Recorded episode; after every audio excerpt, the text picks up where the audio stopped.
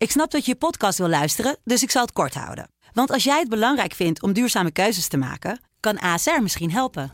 Nou hoor ik je denken, hoe dan? Nou, bijvoorbeeld bij het duurzaam herstellen van schade. Of de premies die we beleggen volgens ons duurzaam beleggingsbeleid. Dat bepaalt waar we wel en juist niet in investeren. Wil je meer weten over welke duurzame keuzes ASR maakt? Ga dan naar asr.nl/slash duurzame keuzes. ASR doet het. Zo, dan kan je nu lekker naar je podcast luisteren. In deze aflevering vertellen we je over Denise Amber Lee, een Amerikaanse vrouw die midden op de dag vanuit haar huis wordt ontvoerd en er alles aan doet om gered te worden.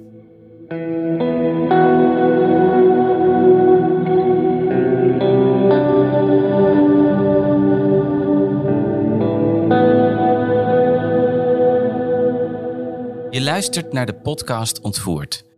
Wij zijn Kevin van den Berg en Maya Noordam. Zoals iedere week duiken wij ook deze aflevering weer in een ijzingwekkende ontvoeringszaak die wereldwijd voor opschudding heeft gezorgd. Voor beeldmateriaal bij deze zaak kijk je op onze Instagram-pagina Ontvoerd de podcast. Dit is Ontvoerd, aflevering 26. Tussen fantasie en werkelijkheid.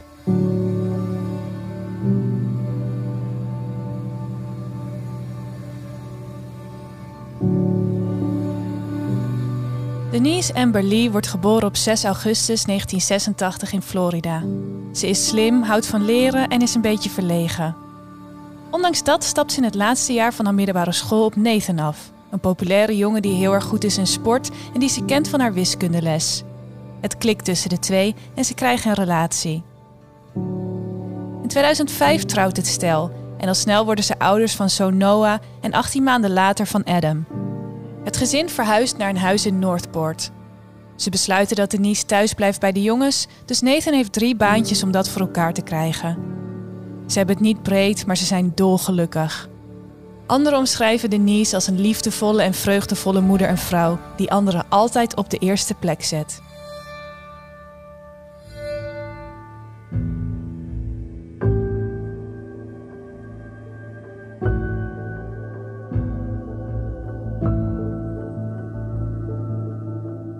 Gaan naar 17 januari 2008. Denise is thuis met haar twee jonge zoons en Nathan is aan het werk. Het is net na 11 uur als Nathan belt en vraagt aan Denise of ze de ramen wil openzetten om het een beetje door te laten luchten. Het is een warme dag, dus Denise zegt dat ze dat al heeft gedaan en het stel hangt op.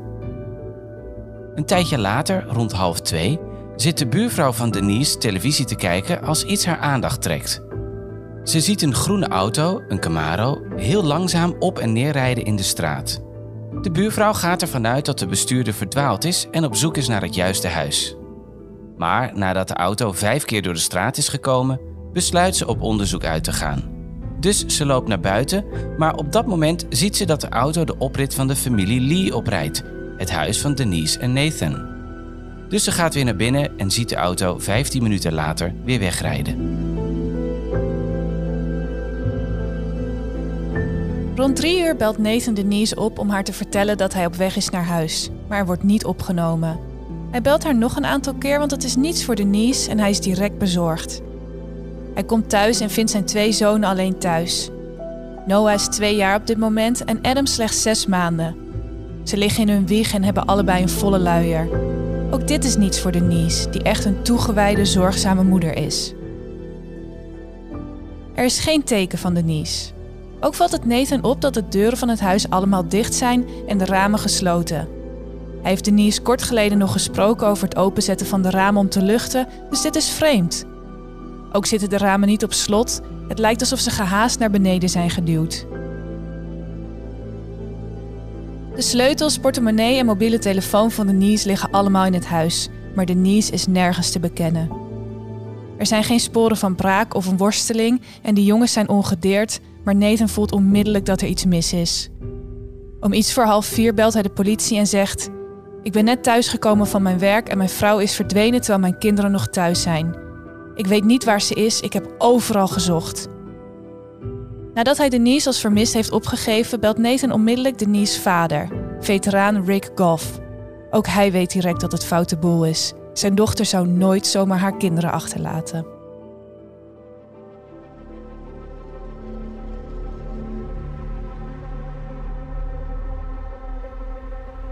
Wat zij niet weten en wat ook de buurvrouw niet weet, is dat de man die rondreed in de straat op zoek was naar een slachtoffer. Het gaat om de 36-jarige Michael Lee King, een loodgieter van beroep die op dit moment werkloos is. Op zesjarige leeftijd loopt King vrij ernstig hoofdletsel op tijdens het sleeën, waar hij een lichte hersenbeschadiging aan overhoudt. Hij heeft als gevolg van het hoofdletsel een laag IQ en zit altijd in de klas met kinderen die een stuk jonger zijn. Zijn gedrag verandert hierna significant en er volgen diverse incidenten. Wanneer King 13 is, speelt hij een scène uit een tekenfilm na door met pijl en boog op zijn broer te schieten. Het gaat gelukkig net goed, maar het is een serieuze indicatie dat King het onderscheid tussen fantasie en werkelijkheid niet goed kan maken. Dit blijkt opnieuw wanneer hij op 17-jarige leeftijd de film Texas Chainsaw Massacre kijkt en vervolgens familieleden achtervolgt met een kettingzaag, zonder enige expressie op zijn gezicht. Hij laat zijn geslachtsdeel zien aan een vrouw terwijl ze aan het kolven is en verkracht een andere vrouw terwijl ze zo dronken is dat ze niet meer op haar benen kan staan. Ook spreekt hij af met een meisje van 15 jaar dat hij online heeft ontmoet. Deze incidenten worden echter nooit gemeld bij de politie, dus King heeft geen strafblad. Zijn buurvrouw heeft in een aantal jaar al meerdere keren geklaagd bij de politie over hem, omdat hij accuzuur over het hekje rondom haar zwembad had gegoten en haar autoband lek stak. Een andere buurvrouw maakte een melding van dat King haar dochter volgde naar de bushalte. In het afgelopen jaar, voor de dag waarop Denise verdwijnt, is zijn gedrag steeds verontrustender geworden. Zijn vrouw heeft hem verlaten voor een man die ze online heeft ontmoet en King krijgt de voogdij over zijn kinderen. Maar zijn nieuwe vriendin maakt het met hem uit, hij komt in een faillissement terecht en moet hierdoor afstand doen van zijn huis. Ook heeft hij geen nieuwe baan, dus hij zit in een stressvolle situatie. Hij begint zich vreemd te gedragen. Hij is constant verward en anderen beschrijven hem als bijna katatonisch, omdat hij op sommige momenten volledig verstijft en amper kan bewegen. Ook wordt hij erg paranoïde en hij denkt dat zijn buren constant naar binnen kijken door zijn ramen. Dan wordt het 27 januari 2008 en rijdt Michael King de oprit op van het huis van de familie Lee. Hij stapt uit en treft Denise op de veranda aan de achterkant van het huis. Hij neemt haar midden op de dag mee in zijn groene Camaro en laat haar jonge kinderen alleen achter. Denise is ontvoerd.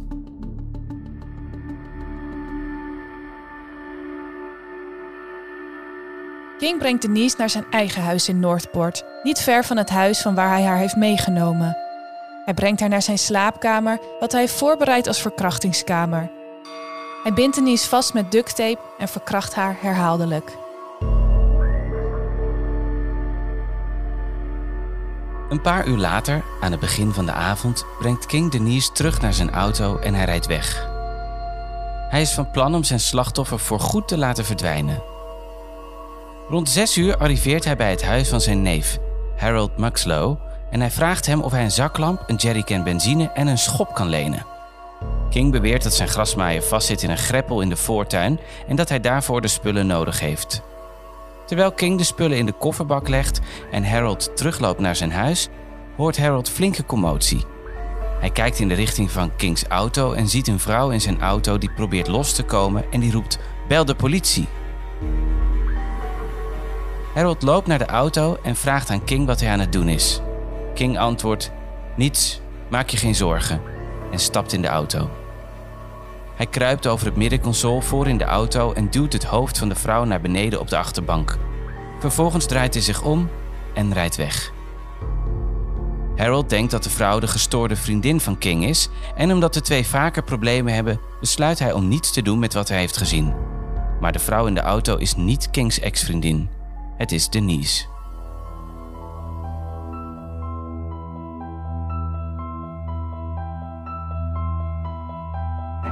Zonder dat King het doorhad, heeft Denise zijn mobiele telefoon kunnen bemachtigen. Terwijl ze op de achterbank ligt en King rijdt, belt ze het alarmnummer. Ze kan natuurlijk geen gesprek voeren met de centralist, maar ze begint met King te praten in de hoop dat ze zo waardevolle informatie met de politie kan delen die aan de andere kant van de lijn hangt. Het gesprek duurt maar liefst zeven minuten. Hierin smeekt Denise King om haar naar huis te brengen, terwijl ze tegelijkertijd cruciale aanwijzingen geeft aan de politie in de hoop dat ze haar ontvoerder kunnen traceren. King heeft geen idee dat Denise de politie heeft gebeld. Hij denkt dat ze gewoon tegen hem aan het praten is. Ondanks de situatie waarin Denise zich overduidelijk bevindt, begint de centralist van de meldkamer haar toch allemaal vragen te stellen. Wie ze is, waar ze is, of ze geblinddoekt is en of ze haar ontvoerder kent. Denise kan natuurlijk niet zomaar antwoord geven, want dan krijgt King door wat er aan de hand is.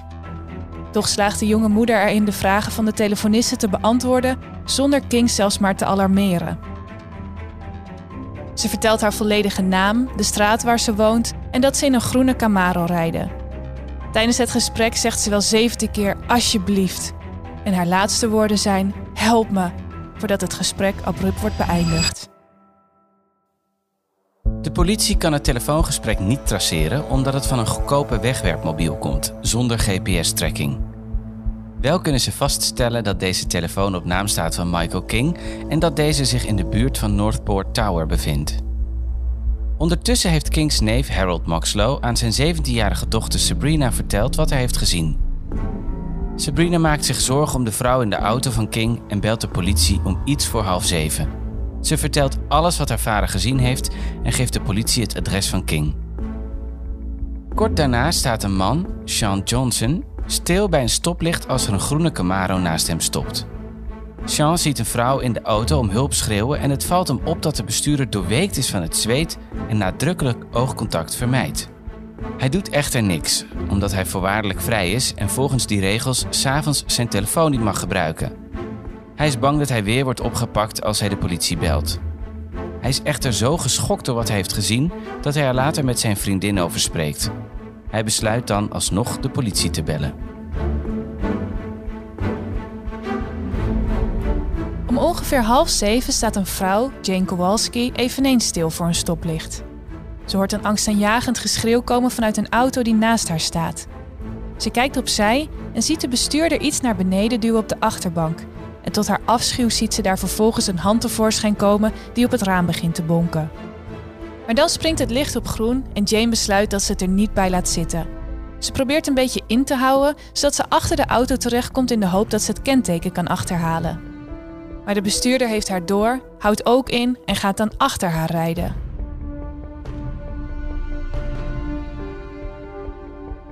Op dit moment besluit Jane om het alarmnummer te bellen.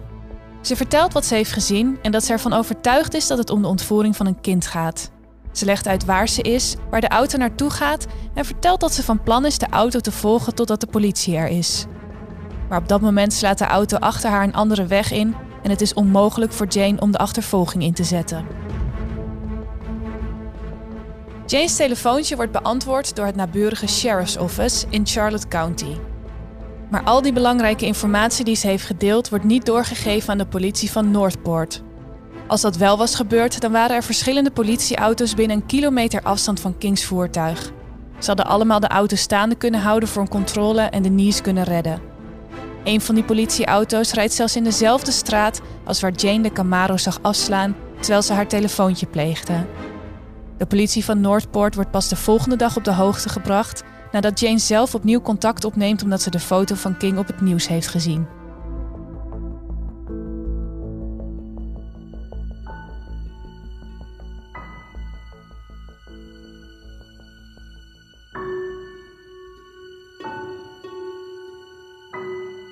De politie ontvangt echter nog een telefoontje op de avond van de ontvoering van Denise. Omdat Kings neef Harold toch wel erg geschrokken was van wat hij had gezien, besluit hij uiteindelijk om naar Kings huis te gaan om polshoogte te nemen. Hij twijfelt of hij de situatie wel goed heeft ingeschat en denkt steeds meer dat er iets sinisters aan de hand is. Dus hij gaat naar Kings huis om te zien of de grasmaaier echt vastzit in een sloot, zoals King beweerde. Maar hij ziet geen grasmaaier, geen King en ook zijn auto is verdwenen. Op dit moment weet Harold dat hij iets moet doen, dus hij belt anoniem de politie vanaf een benzinestation. Dus de politie arriveert om iets over zes bij Kings huis. Het is duidelijk dat er mensen zijn geweest in de slaapkamer van King, maar het blijkt ook dat ze ze gemist hebben. Er is geen spoor te bekennen van King en Denise.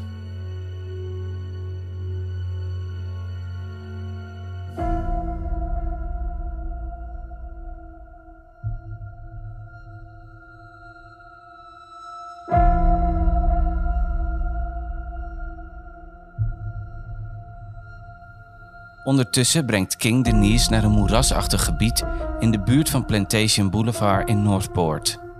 Hij haalt haar uit de auto en zet een pistool tegen het hoofd. Denise smeekt om haar leven, maar tevergeefs. King haalt de trekker over. Het is een enkel schot, maar het gevolg is vernietigend. De kogel laat haar rechteroog ontploffen, maar ze sterft niet onmiddellijk. Ze ademt nog bloed in, maar overlijdt na korte tijd ter plaatse. King heeft haar in koele bloeden geëxecuteerd. De Florida Highway Patrol en de politie van Northport zijn al sinds ongeveer vijf uur op zoek naar Kings groene Camaro. Later die avond posten er twee politieauto's op de Interstate 75 met de beschrijving van de auto, het kenteken en rijbewijsfoto's van zowel King als Denise. Het is ongeveer tien over negen wanneer ze een auto spotten die voldoet aan de beschrijving. Ze halen deze auto aan de kant, trekken hun pistool en dwingen de bestuurder uit te stappen. Het is inderdaad Michael King. Hij weigert eerst uit te stappen, maar de agenten dreigen om te schieten als hij dat niet doet, dus hij stapt uit.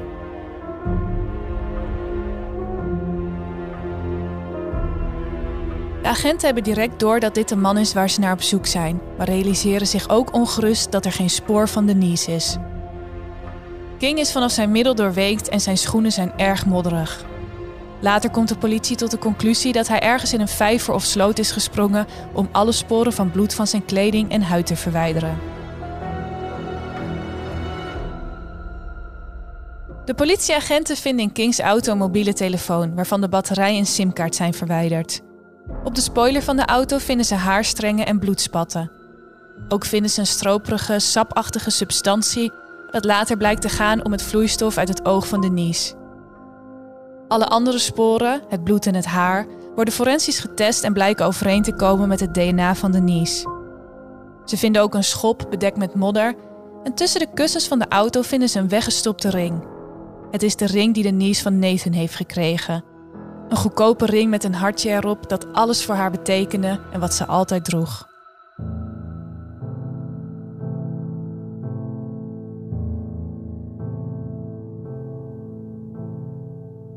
De politie komt tot de conclusie dat Denise in de laatste minuten van haar leven er alles aan heeft gedaan om sporen en bewijs achter te laten wat King met haar zou verbinden. Naast de weggestopte ring vinden ze plukjes haar onder de stoel die opzettelijk met wortel en al zijn uitgetrokken, waardoor er DNA te vinden is. Ook wordt er een duidelijke handafdruk van Denise gevonden op het bestuurdersraam en ook hiervan denkt de politie dat ze deze opzettelijk heeft achtergelaten. King wordt gearresteerd en meegenomen voor verhoor. In zijn huis vindt de politie een hoekje met een aantal kussens en een Winnie de Pooh-deken met daarop bloed en sperma. Het sperma blijkt van King te zijn en het bloed van Denise. Direct tegenover de kussens en de deken staat een spiegel tegen de muur. Die is verplaatst vanuit de eetkamer. King heeft deze neergezet zodat hij zichzelf kon zien in de spiegel terwijl hij Denise seksueel misbruikte. De politie vindt in een vuilniszak in de slaapkamer ook stukjes ducttape met Denise haar haren erop. Het bewijs stapelt zich op en de hoop dat ze Denise nog levend vinden vervliegt. King werkt amper mee met de politie. Tijdens het verhoor vertelt hij dat hij samen met Denise in de auto zat en dat ze toen overvallen werden en samen werden ontvoerd. Hij werd geblinddoekt en weet dus niet wat er met Denise is gebeurd. De politie is uiteraard niet overtuigd van zijn verhaal en King wordt beschuldigd van ontvoering. Hij brengt de politie de volgende ochtend naar het gebied waarvan hij beweert dat hij zelf, samen met Denise, is ontvoerd. Daar zien agenten een stuk grond dat omgewoeld is, dus het forensisch team wordt gebeld en ze beginnen te graven. Op een paar meter diepte vinden ze het naakte lichaam van Denise, liggend in een foetushouding met een schotwond in haar hoofd waarmee ze is geëxecuteerd.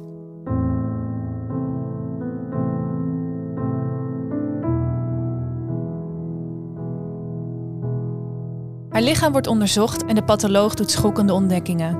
Denise heeft blauwe plekken op haar polsen die bewijzen dat ze werd vastgehouden. Er is bewijs voor een zeer gewelddadige verkrachting.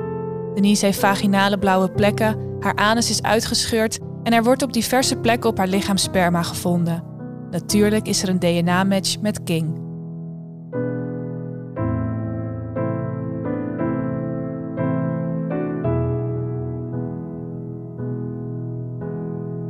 Op de plaats delict worden enkele kogelhulzen gevonden. De markeringen hierop komen perfect overeen met de kogels van een pistool dat King had gebruikt op een schietbaan op de dag dat hij Denise ontvoerde. Het moordwapen wordt niet gevonden, maar de hulzen verbinden King aan de moord. In de buurt van Denise's graf vinden ze een shirt en boxershorts die beide van Denise zijn. Ook hierop wordt het DNA van King aangetroffen. Op dit punt wordt King aangeklaagd voor moord, seksueel misbruik en ontvoering. Ondanks het overweldigende bewijs pleit hij niet schuldig op alle aanklachten. Zijn proces begint op 19 januari. De aanklagers hebben al het forensisch bewijs in handen en getuigenverklaringen van meerdere mensen. De verdediging van King brengt geen bewijs in en roept geen getuigen op. Het enige wat ze proberen is te beweren dat het bewijsmateriaal is besmet. Zo stellen ze dat een van Kings vrienden, die met hem op de ochtend van de ontvoering naar een schietbaan was geweest, de moordenaar is. Tijdens het hele proces is King totaal emotieloos. De jury bevindt hem schuldig op alle aanklachten en is het erover eens dat King de doodstraf moet krijgen. De rechter concludeert dat de moord buitengewoon gruwelijk, vreed en meedogenloos was. King zit nog altijd in de dodencel van de Union Correctional Institution in Florida in afwachting van zijn executie.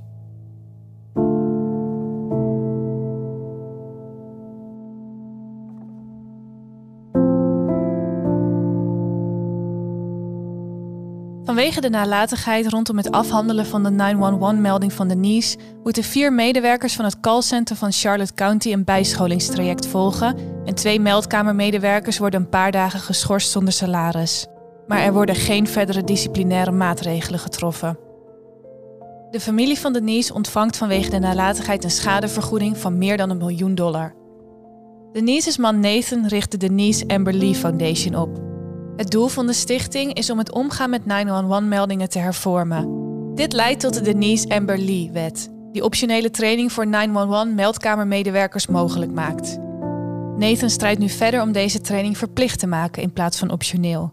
Hij probeert de draad weer op te pakken met zijn zoontjes, die de rest van hun leven hun liefdevolle moeder moeten missen.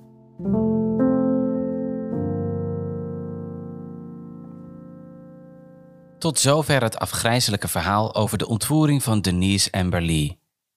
Wil je een beeld krijgen bij Denise, haar man Nathan en moordenaar Michael King? Kijk daarvoor op onze Instagram-pagina ontvoert de podcast. Volgende week zijn we terug met een nieuwe aflevering. Hierin vertellen we je het verhaal van John Jamelski, die in 15 jaar tijd vijf vrouwen ontvoerde. Tot dan.